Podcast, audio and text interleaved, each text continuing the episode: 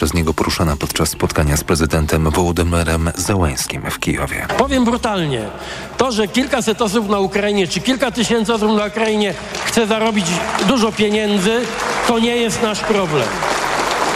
My chcemy pomóc Ukrainie jako państwu i Ukrainie jako narodowi w konfrontacji zbrojnej z Rosją. Donald Tusk ostrzegł, że narastający konflikt gospodarczy może doprowadzić do tego, że nagle pojawi się, jak to ujął, sentyment antyukraiński. W piątek na ulicach polskich miast i wsi w 250 miejscach odbyły się protesty rolników. Policja wyjaśnia szczegóły zdarzenia, do którego doszło przed granicą z Ukrainą w Dorochusku. Według ustaleń rolnicy zatrzymali trzy ukraińskie ciężarówki i wysypali zboże na jezdnie. Doszło do tego w pobliżu miejsca protestu rolników. Funkcjonariusze zabezpieczyli materiał dowodowy, który zostanie przekazany do prokuratury w celu oceny prawnokarnej. Wizyta prezydenta Francji Emmanuela Macrona w Ukrainie została odłożona ze względów bezpieczeństwa, podaje agencja Interfax Ukraina. Jego przyjazd planowano na najbliższe wtorek i środę. Pałac Elizejski powołał się na względy bezpieczeństwa. Nie odbędzie się również spotkanie Rady Przedsiębiorców Francja-Ukraina. Macron miał przed wizytą w Kijowie odwiedzić Odessę ze względu na związki tego miasta z Francją. Wcześniej francuski prezydent był w Kijowie w czerwcu 2022 roku. Słuchasz informacji TOK FM. Dla wielu kibiców to wciąż sportowa egzotyka, dla tych w Stanach Zjednoczonych najważniejsze wydarzenie w roku. Przed nami Super Bowl, czyli 58. finał Ligi Futbolu Amerykańskiego NFL. O prestiżowy tytuł na stadionie w Las Vegas zagrają obrońcy tytułu z Kansas i pretendenci z San Francisco. O czym Michał Waszkiewicz. Super Bowl to sportowy fenomen. W zeszłym roku finał Ligi NFL obejrzało w telewizji rekordowe 115 milionów widzów. 30 sekund reklamy w trakcie meczu na antenie stacji CBS kosztuje nawet 7 milionów dolarów. A nieodłącznym elementem tego spotkania jest jak co roku halftime show, czyli koncert z udziałem wielkich gwiazd światowych scen. Oczywiście najważniejszy wciąż jest mecz. Broniący tytułu Kansas City Chiefs staną przed szansą na dublet, co nie udało się żadnej drużynie od 19 lat. Z kolei San Francisco 49ers to pięciokrotni triumfatorzy Super Bowl. Jeśli wygrają, to dołączą do najbardziej utytułowanych drużyn w historii New England Patriots i Pittsburgh Steelers. Bukmacherzy stawiają na 49. Eksperci są przekonani, że wygra Kansas. Jak będzie, przekonamy się dziś w nocy. Michał Waszkiewicz, TOK FM. Mecz w Las Vegas zacznie się 30 minut po północy, a teraz prognoza pogody. Pogoda. Poniedziałek będzie kolejnym dniem pod grubą warstwą chmur. Przejaśnienie możliwe na południowym zachodzie. Deszcz na zachodzie oraz na południu. Temperatura maksymalna od 3 stopni na Podhalu, przez 6 miejscami na północy, 9 w centrum do 10 na południu. Radio TOK FM. Pierwsze radio informacyjne. Dobra terapia. Dobry wieczór, to jest audycja Dobra Terapia. Przy mikrofonie dr Armen Mechakian. Dobry wieczór oraz jak zawsze Zuzanna Piechowicz. Jesteś psychologiem i psychoterapeutą, a to jest audycja psychoedukacyjna, czyli promujemy tutaj dbanie o zdrowie psychiczne. Ty odpowiadasz na pytania słuchaczy i słuchaczy. To ja od razu powiem, że te pytania można wysyłać na adres dobraterapiamałpatok.fm dobraterapiamałpatok.fm lub za pośrednictwem naszego profilu na Instagramie Dobra Terapia Official, ale ta audycja będzie trochę inna od naszych poprzednich audycji, bo porozmawiamy więcej o pewnym zjawisku społecznym, tak bym to określiła, którym jest kultura psychoterapii, kultura psychoterapeutyczna, nazywana między innymi przez Ewę Ilus kulturą emocjonalną. Właśnie, więc y, w związku z tym będzie bardziej edukacyjna i mam nadzieję, że ta psychoedukacja w dalszym ciągu będzie królowała podczas naszej rozmowy. A mm, odnośnie do tematu chciałbym powiedzieć, że bardzo lubię myślenie o promocji zdrowia psychicznego poprzez podkreślenie słowa zdrowia, a nie chorób, bo często mówimy o zdrowiu psychicznym przez pryzmat różnych chorób. Tymczasem my lubimy mówić o tym, co robić, żeby to zdrowie psychiczne było jakimś, jakąś taką stałą częścią naszego życia, bycia, a nie tylko y, czymś, czym się zajmujemy od czasu do czasu. I tym bardziej w tym kontekście ta kultura terapeutyczna, to, że mm, ogromnie często się mówi w przeróżnych kontekstach o psychoterapii, ma duże znaczenie. Będziemy też cytować wywiad, jakiego udzielił profesor Bogdan de Barbaro, psychiatra, psychoterapeuta, też nauczyciel wielu psychoterapeutów w Polsce. miesięcznikowi Znak. To jest taki pretekst do naszej rozmowy, ale też rozszerzymy kilka wątków. I ja na samym początku chciałam cię zapytać, czy dla ciebie to jest pozytywne zjawisko, czy negatywne zjawisko? Oj, y, będę musiał powiedzieć, to zależy. To jest coś, a czego tak najbardziej nie lubię. unikasz, Unikasz no tego właśnie. określenia. Myślę, że mm, tak, trzeba byłoby zacząć y, właściwie od tego, odpowiedź na to pytanie, że od dłuższego czasu aż e, korciło mnie. Gdzieś tak chodziłem i myślałem o tym, jak tu sformułować coś, co, co mi w głowie się rodzi, e, coś, co bezwzględnie związane jest z tym nadmiarem, który obserwujemy w obsz- obszarze, ob- w obszarze zdrowia psychicznego i w obszarze komunikacji z tym związanej. Natomiast czy to jest złe? Prawdopodobnie nie powiedziałbym, że to jest jednoznacznie złe, bo z tym się wiąże też to, że ludzie generalnie zaczęli się interesować zdrowiem psychicznym i ta z całą pewnością z jednej strony nadmiarowa uwaga mm, na, na ten obszar spowodowało też, że ludzie przestali się wstydzić y, tego, że mogą się zmagać z kryzysami zdrowia psychicznego. Ten temat y, wydaje się, że przestał być tak bardzo tabu, tabuizowany jak kiedyś. Więc y, z takiego punktu widzenia to dobrze, że się dużo mówi, ale wiadomo, że równowaga we wszystkim mm, jest nam bardzo potrzebna, bo z kolei mm, taka nadmierna, jakby, y, no właśnie takie przesadzone podejście, mocno y, nadmiarowe do, do tematu, może tak rozwodnić y, istotę sprawy, y, że może doprowadzić do tego, że w gruncie rzeczy efekt będzie odwrotny, czyli będą ludziom, ludziom się będzie to kojarzyło z czymś, co w, zasadzie jest tak bardzo uchw- nieuchwytne i tak bardzo przesadzone i rozdygotane, że zamiast zachęcić do tego, żeby dbali o zdrowie psychiczne i korzystali z dostępnych narzędzi, to oni mogą mieć po prostu uprzedzenie do tego całego zjawiska. Ja też, jako osoba, która nie jest ani psycholożką, ani psychoterapeutką, widzę takie niebezpieczeństwo, że wydaje się, że bycie specjalistą od zdrowia psychicznego to jest coś, co jest łatwe, co, co jest osiągalne bardzo szybko, co jest jakimś takim pomieszaniem. Trochę wiedzy z Instagrama, z taką wiedzą o życiu i ten język, który stał się taki dla nas zaznajomiony, taki zaprzyjaźniony, sprawia, że tymi diagnozami szafujemy. Ach, on się zachowuje jak spektrum autyzmu, ktoś nie szanuje granic, ktoś musi coś przepracować. I tak rzucamy tymi wszystkimi określeniami. One są już w naszym języku potocznym, także kiedy one się pojawiają w gabinecie profesjonalisty, profesjonalistki, mam wrażenie, że tracą jakąś moc. Czy, ty byś jakoś się zgodził, czy ty to obserwujesz, czy y, takie coś związanego właśnie z tymi moimi obawami? To jest bardzo celna obserwacja, do której trzeba by podejść, y, wydaje się, nawet trochę bardziej generalnie. Czyli ym, ja się zastanawiałem jakiś czas temu w, ogóle, co się kryje za tym, że nie tylko w obszarze zdrowia psychicznego, ale w bardzo różnych obszarach ludzie z jednej strony dążą do do takiej, nazwałbym profesjonalizacji pewnych, okreś- pewnych określeń, nawet funkcji, y, przy jednoczesnym mm, płytkim podejściu do tych kwestii, czyli braku kompetencji, braku przygotowywania, czyli jakby nie, nie tylko w obszarze zdrowia psychicznego, ale właśnie to możemy widzieć w pracy dziennikarzy, pra, u, nawet w kontekście różnych rzemieślniczych y, zawodów, że żyjemy w takich czasach, że dostęp do wiedzy powoduje, że szereg osób dość szybko dochodzi do przekonania, że już ma kompetencje do tego, żeby nazywać się na przykład specjalistą w dziedzinie jakiejś. A następnie, siłą rzeczy, mając bardzo ograniczone zasoby wiedzy, za, z, zaczyna mm, y, y, serwować różne gotowe rozwiązania, mając niejednokrotnie przekonanie, że tak właśnie rzecz się ma. Czyli y, chcę powiedzieć, że ponieważ żyjemy w takich czasach, że mamy dostęp do wiedzy, nieograniczony dostęp do wiedzy, to osoby z silnym potrze- silną potrzebą ważności mają fantastyczną scenę, na której mogą prezentować swoje potrzeby. Potrzeby bycia ważnym, podziwianym, potrzebę bycia kompetentnym i tak. I cały problem właściwie nawet nie tylko na tym polega, że, że, że potrzebujemy być ważni. Czasami sobie szukamy sceny, na której wystawimy swoje, swoje tam mm, sztuki, a, ale problem polega na tym, że to się wiąże z brakiem kompetencji, czyli idziemy na taki skrót i wydaje nam się, że jak przeczytałem jeden artykuł albo zobaczyłem krótki filmik na temat mm, chociażby depresji, to już rozumiem, co to jest, więc będę uczył innych.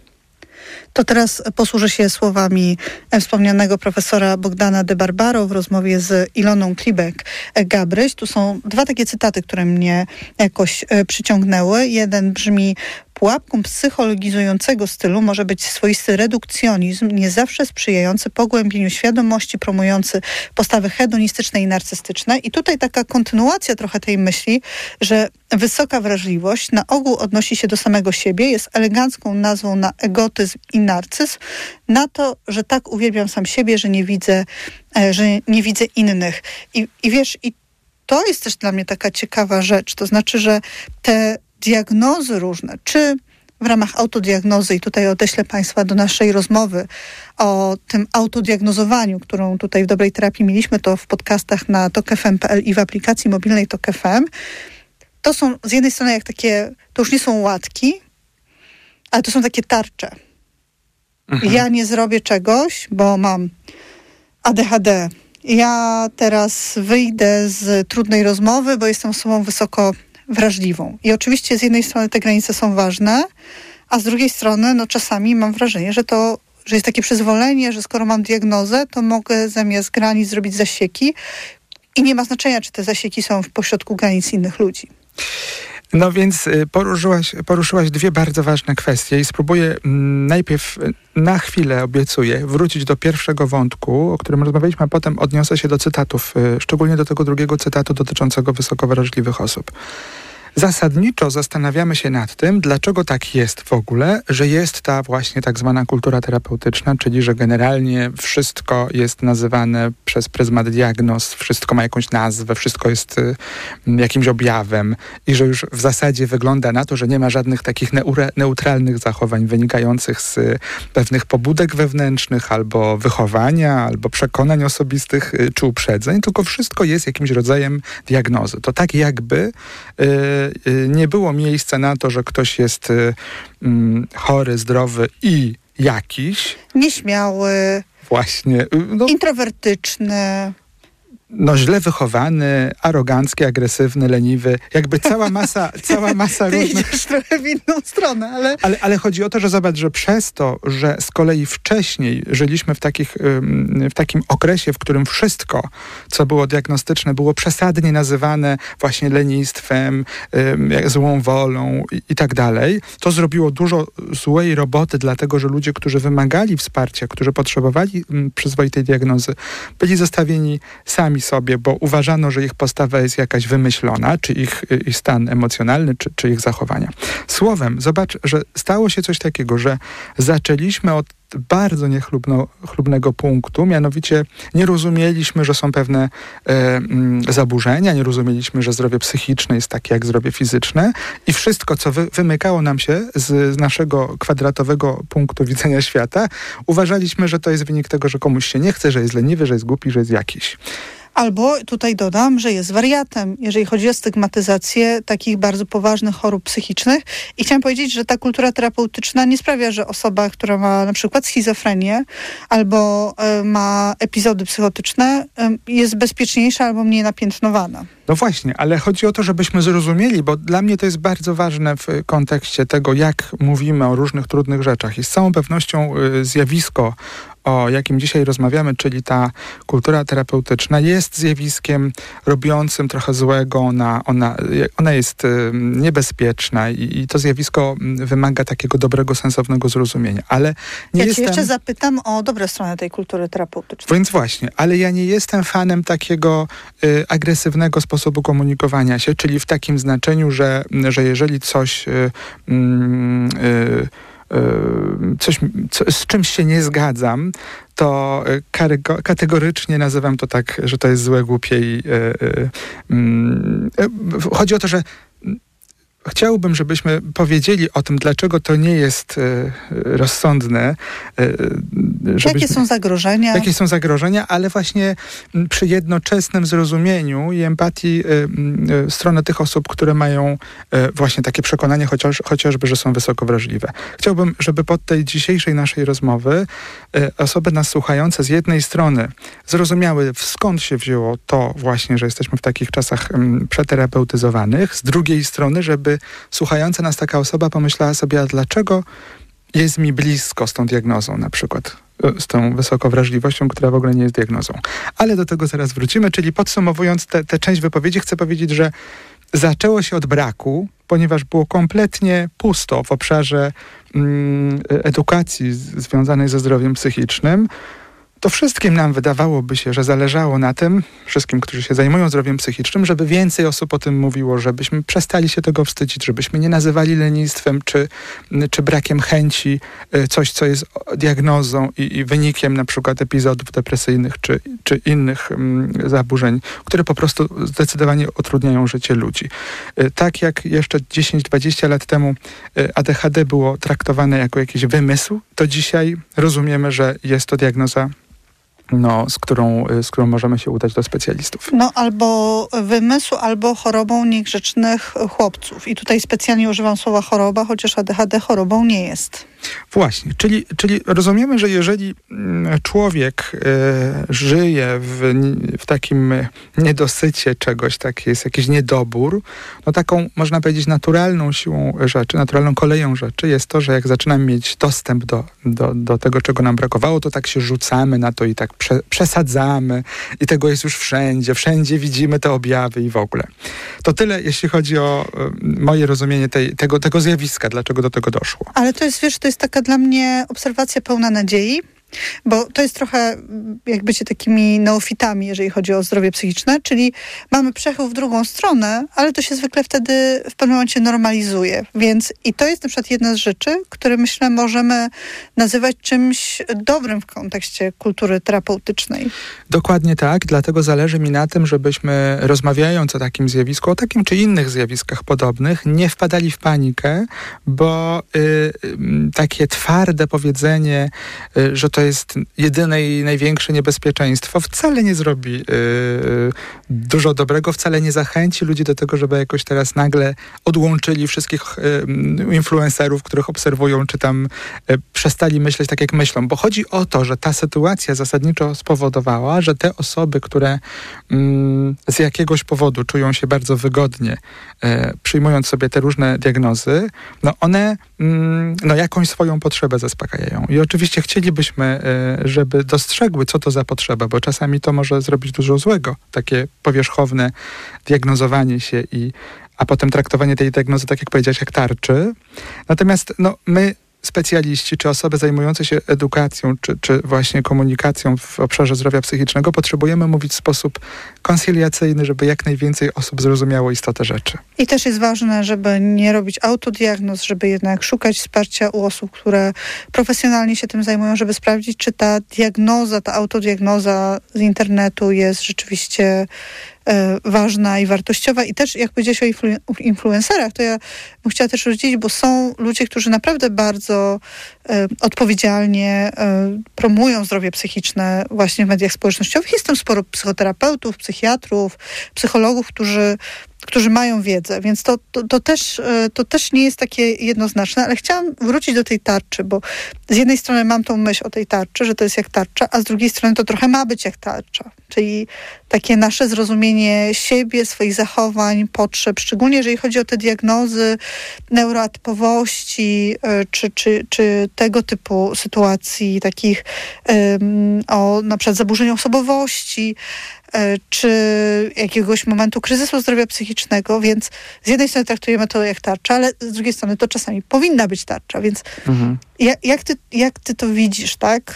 Ja przede wszystkim widzę zasadniczą różnicę między tarczą a strzałami, a y, jedno i drugie stosujemy, w, kiedy czujemy się zagrożeni i teraz czym innym jest, kiedy my się za czymś chowamy, żeby za, za, zadbać o swoje bezpieczeństwo, a czym innym, kiedy tym, tą tarczą, czyli tą bronią jakoś strzelamy w innych i przekraczamy ich granice. I teraz m, zasadniczo, oczywiście chcielibyśmy, i to jest y, też y, troską wszystkich osób odpowiedzialnie zajmujących się zdrowiem psychicznym, żeby ludzie mieli dostęp do rzetelnej wiedzy, żeby byli w stanie odróżniać mm, to, co się z nimi dzieje, mm, w sensie zorientowali się, że pewne objawy wymagają konsultacji specjalistów, żeby po prostu nie byli sami, żeby nie zaniedbali swojego zdrowia psychicznego.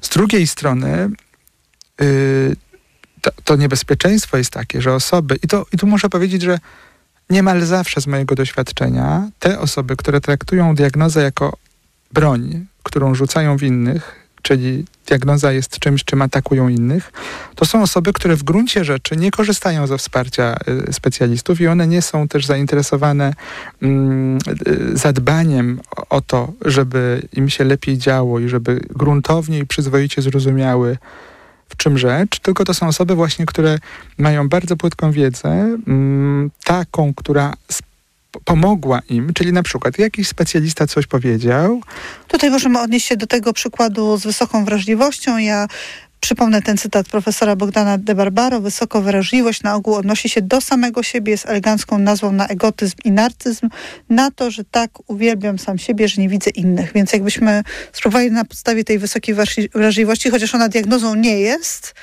ale jest bardzo popularna w internecie. No, no więc właśnie, to, to, to trzeba by zacząć od tego, że e, nie ma czegoś takiego jak diagnoza wysoko wrażliwej osoby. Nie, nie, nie jest to diagnostyczne jakieś określenie, nie ma, nie ma ani takiego zaburzenia, ani takiej choroby, no ale rzeczywiście osoby nas słuchające mogą się oburzyć i powiedzieć, no ale, ale jak, no nie, skoro ja jestem wysoko wrażliwa, ja jestem wysoko wrażliwy, skoro przeczytałem, że są jakieś badania zrobione, z których wynika, że ileś procent społeczeństwa jest wysoko wrażliwa.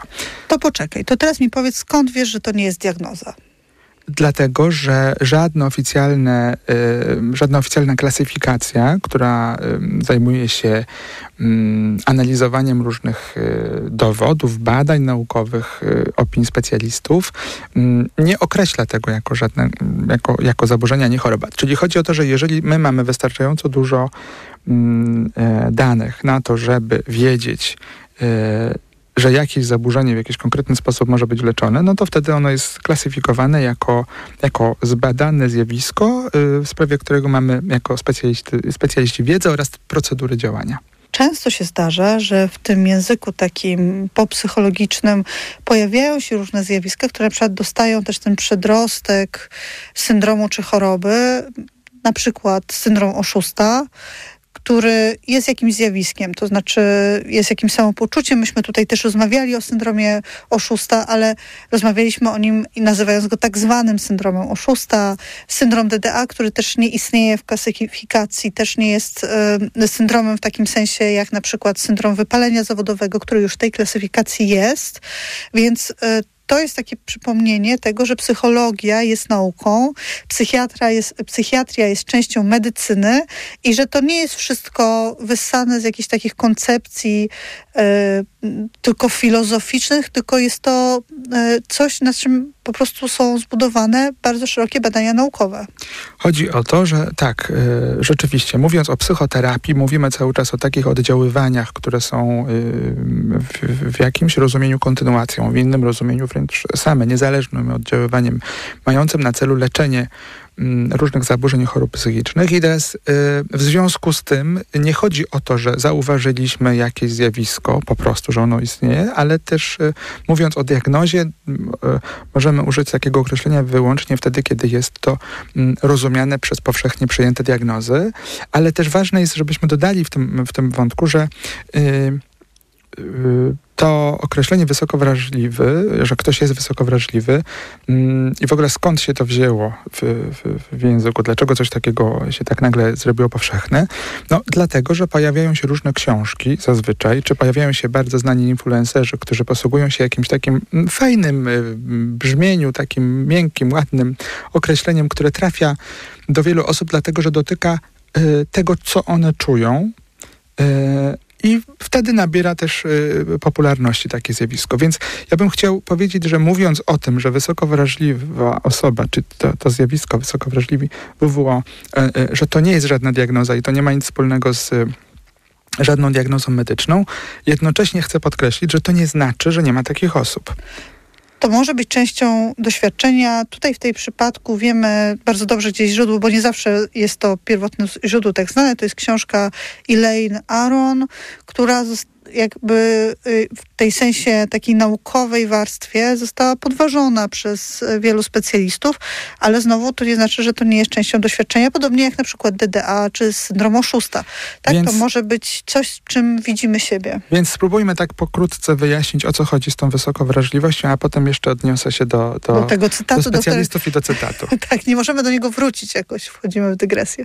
Chodzi o to, że y, osoba, która myśli o sobie, że jest wysoko wrażliwa, prawdopodobnie właśnie utożsamia się z opisem tego, jak się taka osoba czuje, tak? Że ma często mm, na przykład y, mm, problemy w, w relacjach, że często ma głębokie poczucie krzywdy, że często się mm, poświęca dla innych, jest mm, mocno empatyczna, że często jej granice są przekraczane, a często też sama przekracza granice, dlatego że nie jest w stanie wytrzymać takiego silnego napływu emocji, takiego afektu, który, który towarzyszy niektórym sytuacjom. Czyli proszę Państwa, zobaczcie, że chodzi o to, że mówimy o tym, że każdy z nas mm, obserwując siebie, jak ja się zachowuję w relacjach ze sobą samym, w, w, z przyjaciółmi, z dzieć, dziećmi i tak dalej, czyli zazwyczaj ta wysoka wrażliwość dotyczy tego, że my z siebie mm, oglądamy w kontekście innych ludzi i mówimy, ja tak mam, ja tak mam, oni na mnie tak oddziałowują, sytuacje na mnie tak oddziałowują, czyli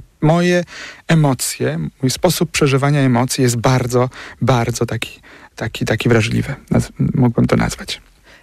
I teraz chodzi o to, że z tym to nikt się nie może kłócić. To znaczy, chodzi o to, że e, to jest fakt, że my e, jesteśmy, biorąc pod uwagę nawet czasy, w których żyjemy, to moglibyśmy się powołać nawet na konkretne badania naukowe, które pokazują rzeczywiście, że więcej osób deklaruje, że ma problemy relacyjne, wynikające właśnie y, tego, że mają takie poczucie, że nie są kochane, że czują się zdradzane.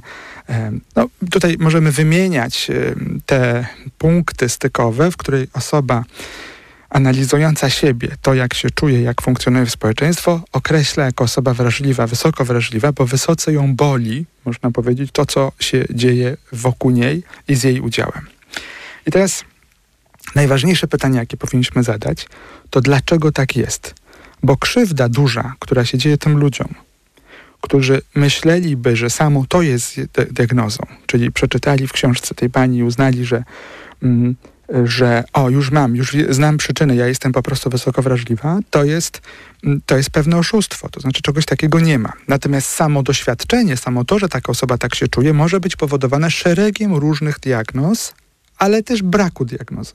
Czyli to poczucie, że ja jestem bardzo, bardzo y, y, narażony na ból emocjonalny w zderzeniu z innymi osobami, to poczucie, że ja jestem sz- szczególnie narażony lub narażona na, y, na ból w zderzeniu z innymi osobami, może być powodowane rzeczywiście jakimiś zaburzeniami. Na przykład mogę mieć e, zaburzenie osobowości borderline, mogę mieć zaburzenie osobowości narcystyczne, ADHD, też ma ADHD. ten Mogę mieć, mogę mieć zaburzenia lękowe, któreś z zaburzeń lękowych. Różne mogą być powody diagnostyczne, ale też mogą być to powody niediagnostyczne. Czyli na przykład może się okazać, że ja widzę świat i bliską relację tak, że nie lubię doświadczać bólu emocjonalnego w żadnej sytuacji. Więc kiedy mój partner mówi, że się z czymś nie zgadza, albo mój szef mówi, że nie mam kompetencji w jakimś obszarze, czy nauczyciel mówi, że czegoś się nie nauczyłem lub nie rozumiem,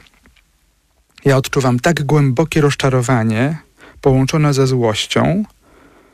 I jeśli wtedy dowiem się, że to jest spowodowane tym, że ja po prostu jestem wysoko wrażliwy, to nie przyjdzie mi do głowy, że powinienem pracować nad tym, jak ja interpretuję świat, jakie jest moje postrzeganie szacunku względem innych ludzi, jak bardzo jestem gotowy na to, żeby doświadczać dyskomfortu, żeby się nauczyć nowych kompetencji, jak bardzo odpowiedzialnie podchodzę do tego, że nie jestem pępkiem świata.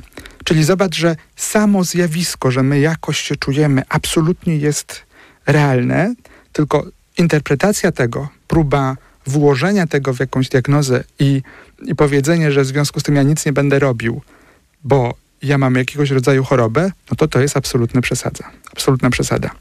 Powiedziałeś moim zdaniem ważne słowo w kontekście właśnie dyskusji o kulturze terapeutycznej, czyli o takiej tolerancji dyskomfortu, bo to zagrożenie, które ja widzę, jestem ciekawa, jak to jest z Twojej perspektywy, to to, że w kulturze terapeutycznej uznajemy, że każde cierpienie, każdy dyskomfort jest czymś, co możemy w jakiś sposób e, przepracować w gabinecie psychoterapeuty, e, zmedykalizować, a że nie, jest tak, że to życie jest też, e, no wiesz, częściowo usłane z tego, że bywa nam trudno i nie każdy trud, nie każdy ból, nie każde nawet cierpienie od razu wymaga takiej interwencji specjalisty. W rzeczy samej, w, w tej kulturze terapeutycznej wydaje się, że takie centralną rolę taką odgrywa y, brak odpowiedzialności za to, jaki ja jestem oraz y, właśnie przekierowanie tej odpowiedzialności na jakieś y, enigmatyczne diagnozy, które są odpowiedzialne za to, jak ja jestem. Bo wtedy ja nie muszę nic robić.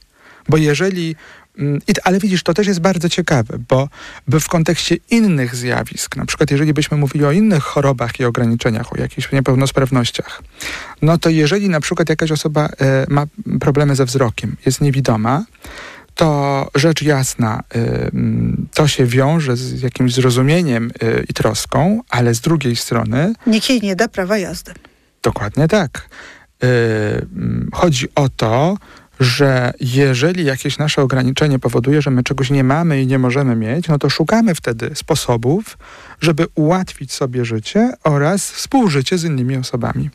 Natomiast w kulturze terapeutycznej jest takie myślenie, że jeżeli ja zdiagnozuję się na coś, jeśli się okaże, że jestem wysoko wrażliwy, no to wtedy ja już nic nie muszę robić. Tymczasem cała sprawa polega na tym, ta życiowa, o której ty powiedziałaś, że nieważne z czym, że nieważne z czym my się zmagamy i jakie mamy trudności.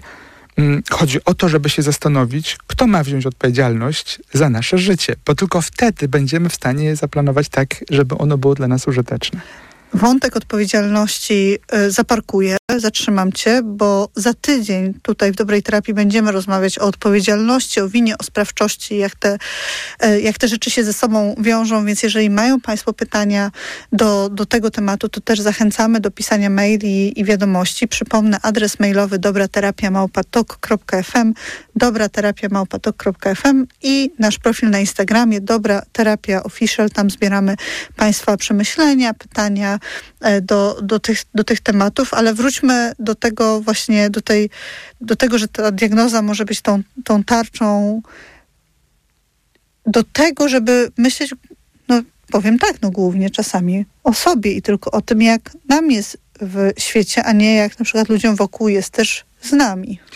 No, y, więc tak, y, wrócę do tego cytatu pana profesora de Barbaro y, i E, potem standardowo też jak będziemy e, dążyli ku końcowi, e, zrobimy sensowne podsumowanie mm, i wtedy kilka innych myśli zawrę w tym podsumowaniu. Natomiast co do, co do tego cytatu. Rzeczywiście, gdybym miał pacjenta w gabinecie, który by przyszedł do mnie i powiedział, że zmaga się, cierpi, o, cierpi na wysoką wrażliwość, to moje zadanie takie chciałbym powiedzieć automatyczne, to znaczy po prostu siłą rzeczy zajmowałbym się tym, żeby zrozumieć, dlaczego ta osoba tak o sobie myśli, jakie z tego mm, czerpie korzyści, to znaczy jaką funkcję w życiu tej osoby spełnia to, że chce lub lub dowiedziała się i y, doświadcza ulgi w wyniku tego, że y, ma tę diagnozę, pseudodiagnozę wysokowrażliwości. Jakie to mogą być korzyści? Y, takie właśnie, o których mówiliśmy, to znaczy takie, które mogą przynieść taką chwilową ulgę, że ja nie muszę brać odpowiedzialności za to, jaki jestem. Takie, że jeśli mi nie wychodzi w związku, to nie jest kompletnie moja odpowiedzialność, ani ja nie miałem na to żadnego wpływu. Takie, że jeśli ja mam dziecięcą taką potrzebę narcystycznego, aroganckiego dążenia do tego, żeby wszystko się działo tak, jak ja sobie życzę, bo inaczej będę bardzo nieszczęśliwa, rozpłaczę się lub się rozpłaczę, z takiego bólu emocjonalnego. I to powoduje, że moja partnerka zawsze ostateczno, ostatecznie robi to, co ja chcę, a mój partner y, biegnie po pomoc, y, to korzyścią w takim myśleniu, widzisz, ja jestem wysoko wrażliwy, jest taka, że y, jakby dążę do tego, żeby ludzie zawsze robili to, czego ja chcę, nawet jeśli to jest ich kosztem i to przekracza ich granice, naraża zdrową relację.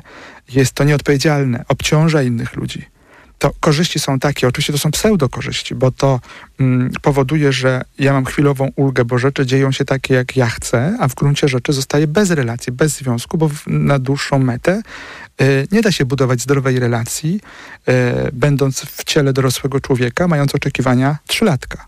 Więc te pseudokorzyści, które czasami są dla nas niewidoczne niestety, bo my czasami robimy takie rzeczy mm, y, po to, żeby odczuć ulgę chwilową w, w cierpieniu, i nie wiemy, nie widzimy tego, że to nam ostatecznie y, robi większą krzywdę. I dlatego ja z jakąś taką troską bym mm, y, myślał y, i mówił o osobach, które myślą, że zmagają się z wysoką wrażliwością jako jakąś jedną diagnozą. Dlatego, że to są zazwyczaj osoby zmagające się mm, jakby to są osoby, których cierpienie ma bardzo Jest głębokie realne fundamenty. też. Jest realne z całą pewnością i ma bardzo, że tak powiem, rozłożyste fundamenty. Różne mogą być inne powody, które powodują, że te osoby cierpią i, e, i takie dążenie do e, leczenia, czyli zaznania chwilowej ulgi poprzez mm, przyklejenie sobie etykiety, że mam jakąś diagnozę, to w gruncie rzeczy robi dużo złego, bo ci ludzie po prostu nie zajmują się rzeczywistą przyczyną tego, co y,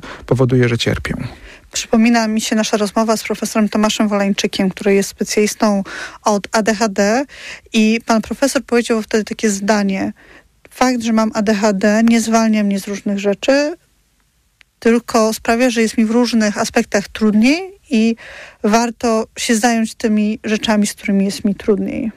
Y, Myśląc o, y, o tych wszystkich diagnozach i o tym wszystkim, co y, właściwie dzisiaj poruszyliśmy, to mi przychodzi do głowy w sumie nawet taki krótki filmik z mediów społecznościowych pewnego człowieka, którego osobiście znam i taki byłem zaskoczony, widząc, że tam w tych mediach jest, w sensie taki, o, znam człowieka, posłucham, co mówi. E, No i, y, i on tam mówi, że posługuje się tam sześcioma czy ośmioma językami. E, I to bardzo ciekawe było, dlatego że mm, no, no właśnie, to było takie inspirujące dla mnie, bo może się okazać, że możemy mieć do czynienia z osobą, która płynnie mówi w jakimś języku, ale nie powie, że posługuje się jakimś językiem, bo uważa, że on mówi tym językiem tak komunikacyjnie, że po prostu dogada, mm, e, przeczyta książkę nawet, ale generalnie no to nie jest język na takim poziomie, mm, żeby można było powiedzieć, że on zna ten język. Nie ma certyfikatu, nie wiem, nie jest tłumaczem i tak dalej. Inna osoba, wystarczy, że umie powiedzieć dzień dobry, do widzenia i poproszę o kawę i mówi znam ten język. Mówię tym językiem, więc dodajemy na listę następny język, którym się posługuje. I ze zdrowiem psychicznym i w ogóle z taką profesjonalizacją tej dziedziny jest bardzo podobnie. Są takie osoby, które wystarczy, że coś zrozumieją, jakieś zjawisko, i tutaj trzeba powiedzieć, że im mniejszą mamy wiedzę, tym łatwiej rozumiemy różne sprawy. To znaczy, im mniejszą mamy wiedzę, tym głębsze mamy przekonanie, że wiemy wszystko. W związku z tym, jeśli rzeczywiście nie mając wiedzy w obszarze zdrowia psychicznego, bo nie skończyliśmy psychologii, nie jesteśmy lekarzami, tylko przeczytaliśmy trzy książki i dowiemy się o jakimś zjawisku, które do nas pasuje, takie mamy poczucie, że ja tak, ja tak, to jest to, ja tak mam, ja to czuję. No to mamy niemal stuprocentowe przekonanie, że ja mam wiedzę w jakimś obszarze, czyli znam jakiś język. I rzeczywiście z punktu widzenia różnych norm dotyczących znajomości języka, może się okazać, że ta osoba nie zna tego języka. Zna po prostu pięć słów, ale nie zna języka. I teraz cały problem polega na tym, że mamy taką grupę i wśród tak zwanych specjalistów, którzy mając pięć, znając pięć słów mówią, że znamy język, i wśród obserwatorów, y, na przykład pacjentów. I niektórzy pacjenci mówią, ja nie będę się zajmował niczym, nie chcę się też zmagać z, z negatywami mm, tego, jaki jestem, nie chcę wziąć za to odpowiedzialności, chcę, żeby było jak najszybciej dobrze i miło. Bardzo mi też zależy na tym, żeby ludzie w końcu robili to, co, czego ja potrzebuję. Żebym znalazł prawdziwą miłość, żeby mnie kochali bezwarunkowo i tak dalej. Trochę tak jak właśnie dziecko mm, potrzebuje relacji z rodzicami i my jak rośniemy, jesteśmy w dorosłym świecie z takimi zaniedbaniami, z deficytami z tamtego okresu, to siłą rzeczy pragniemy znaleźć kogoś, co, kogoś y, kto y, nam jakby te, ten deficyt jakoś zasypie. I teraz słuchając takich ekspertów, którzy mają pięć słów i mówią znamy język, to nam jakoś dobrze brzmi. Tak trafia, myślę, o niesamowite, czyli tak naprawdę ja już teraz rozumiem, dlaczego y, po raz siódmy nie wychodzi mi w związku. Okej, no po prostu jestem chory. Te, teraz to już po prostu rozumiem. Y, a ci inni, którzy nie mieli gotowości, żeby mnie wesprzeć, one po prostu w sposób arogancki ar- ignorowały to, że ja się zmagam z pewnymi ograniczeniami, a, y, a, a tam nie ma naprawdę żadnej, żadnego mojego wpływu. Więc chodzi mi o to, zobacz, że te dwie grupy, że te, te, te dwie grupy wspaniale ze sobą współgrają. To znaczy, ja chcę powiedzieć, jest że... podaż, jest popyt. Dokładnie tak. Ja chcę powiedzieć, że nie każdy człowiek w potrzebie będzie y, y, przyjmował tego typu argumenty. Y, nie każdy człowiek w potrzebie, wręcz powiedziałbym, że dokładnie odwrotnie. Osoby naprawdę z ogromną wrażliwością na cierpienie z różnych powodów nie powiedziałyby o sobie, że mają etykietę y, wysoko wrażliwe. I że często osoby naprawdę cierpiące robią to z kamienną twarzą, bo od lat są przyzwyczajone do bólu i czasami nawet nie rozpoznają, że to boli. I stąd y, w tej wypowiedzi profesora to określenie narcystyczna osoba może niektórych bardzo boleć. Mogą mieć takie poczucie, że ale ja nie jestem w ogóle narcystyczny, ja nie chcę być narcystyczny. Mój, mój, mój ból polega na tym, że często jestem wykorzystywany, wykorzystywana. I tak też może być. W związku z tym w związku z tym, słuchający nas Państwo, zachęcamy Was do tego, żebyście najpierw sprawdzili, co Wy macie na myśli, mówiąc, że jesteście wysoko wrażliwi. Bo ta wysoko wrażliwość, o której my mówimy, no to jest właśnie mm, coś, y, o czym mowa w tej książce, coś, co wtargnęło do, do, do mm, języka takiego terapeutycznego i udaje jakimś rodzajem y, diagnozy.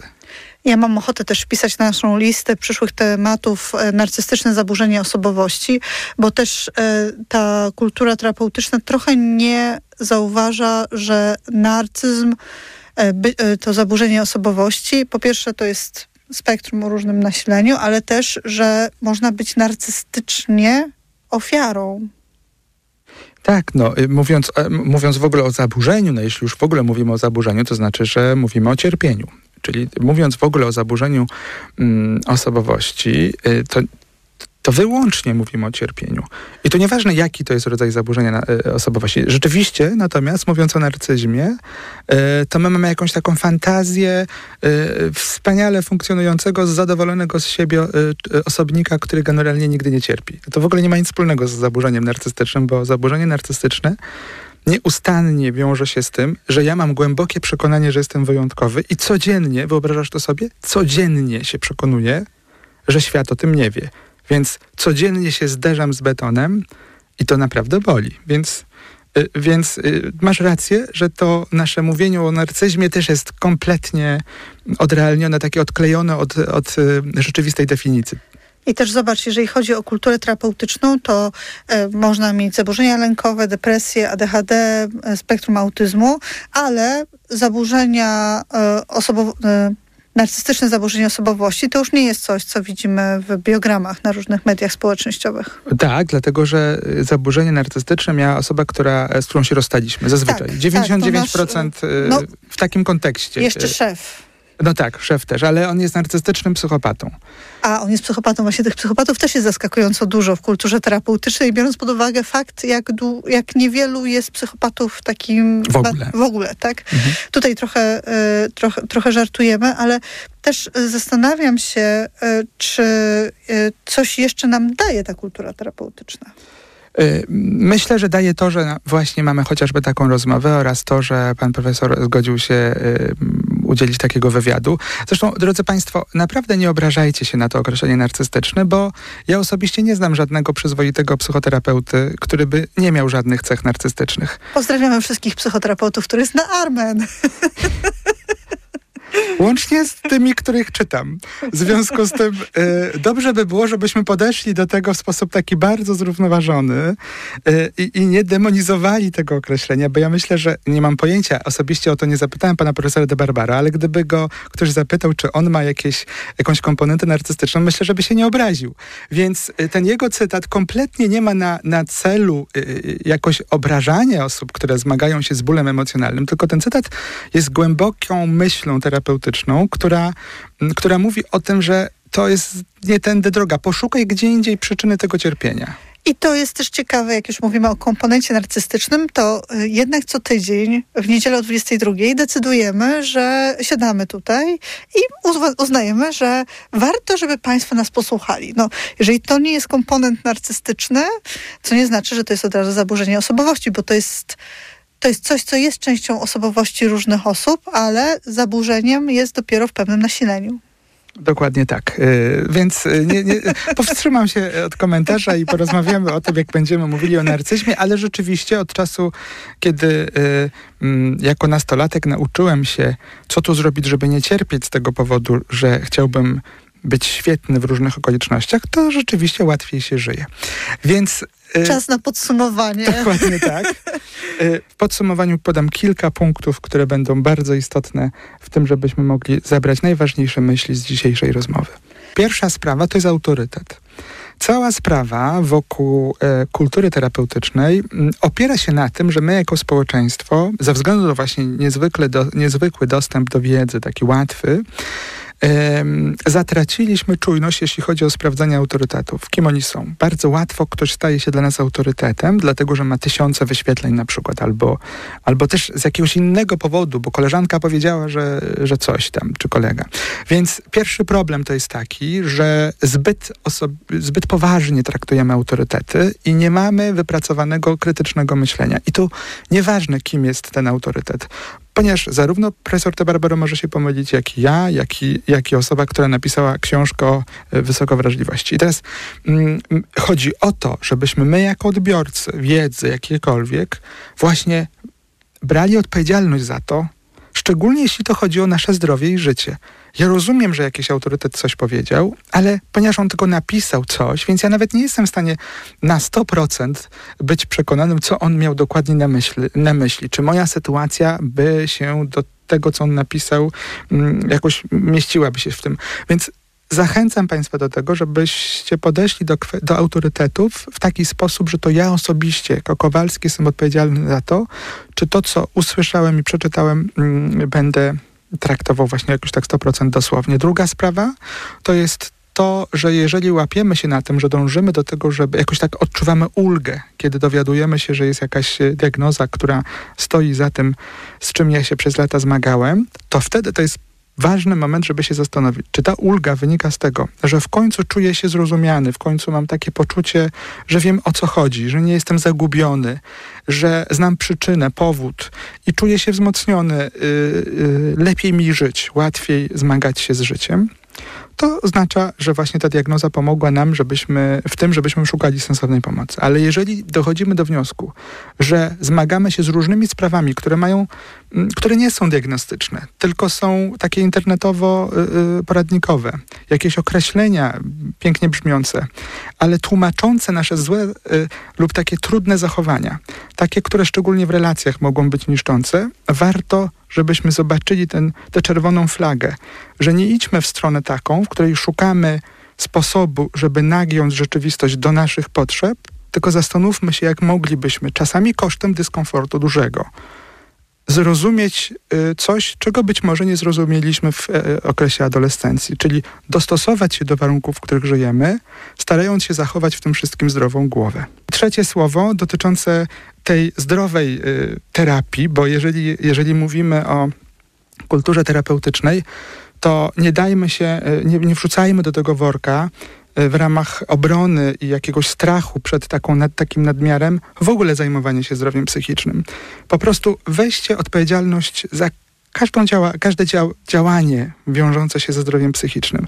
Jeśli przeczytacie coś w poradniku mm, na temat zdrowia psychicznego, to y, poszukajcie jakichś źródeł takich mało komercyjnych dotyczących tej samej kwestii, żeby można było odpowiedzieć sobie na pytanie, czy to, z czym ja się zmagam, jest powodowane y, jakąś kwestią, y, która jest zbadana, może więcej osób się z tym zmaga i mogę sięgnąć po pomoc. Słowem, zadajmy sobie pytanie, czy jeśli jest to diagnoza, to w takim razie gdzie jest specjalista, który może mi pomóc?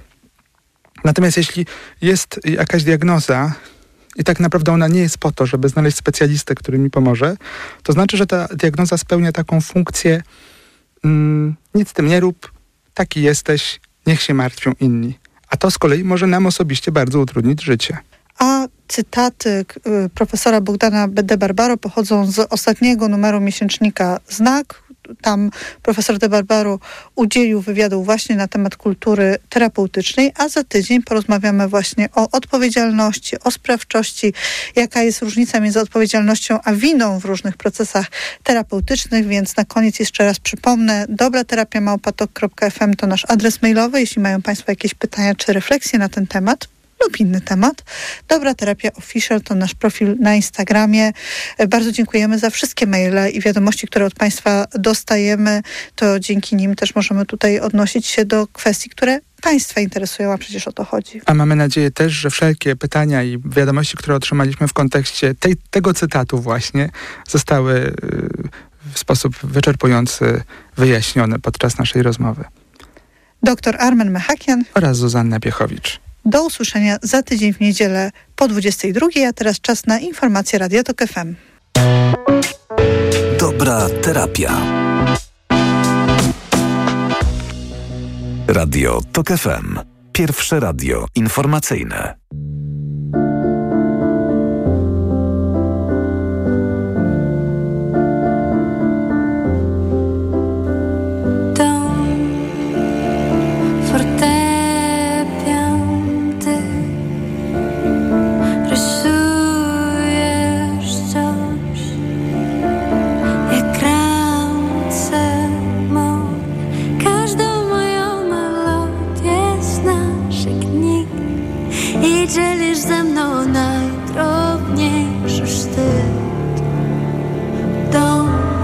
music in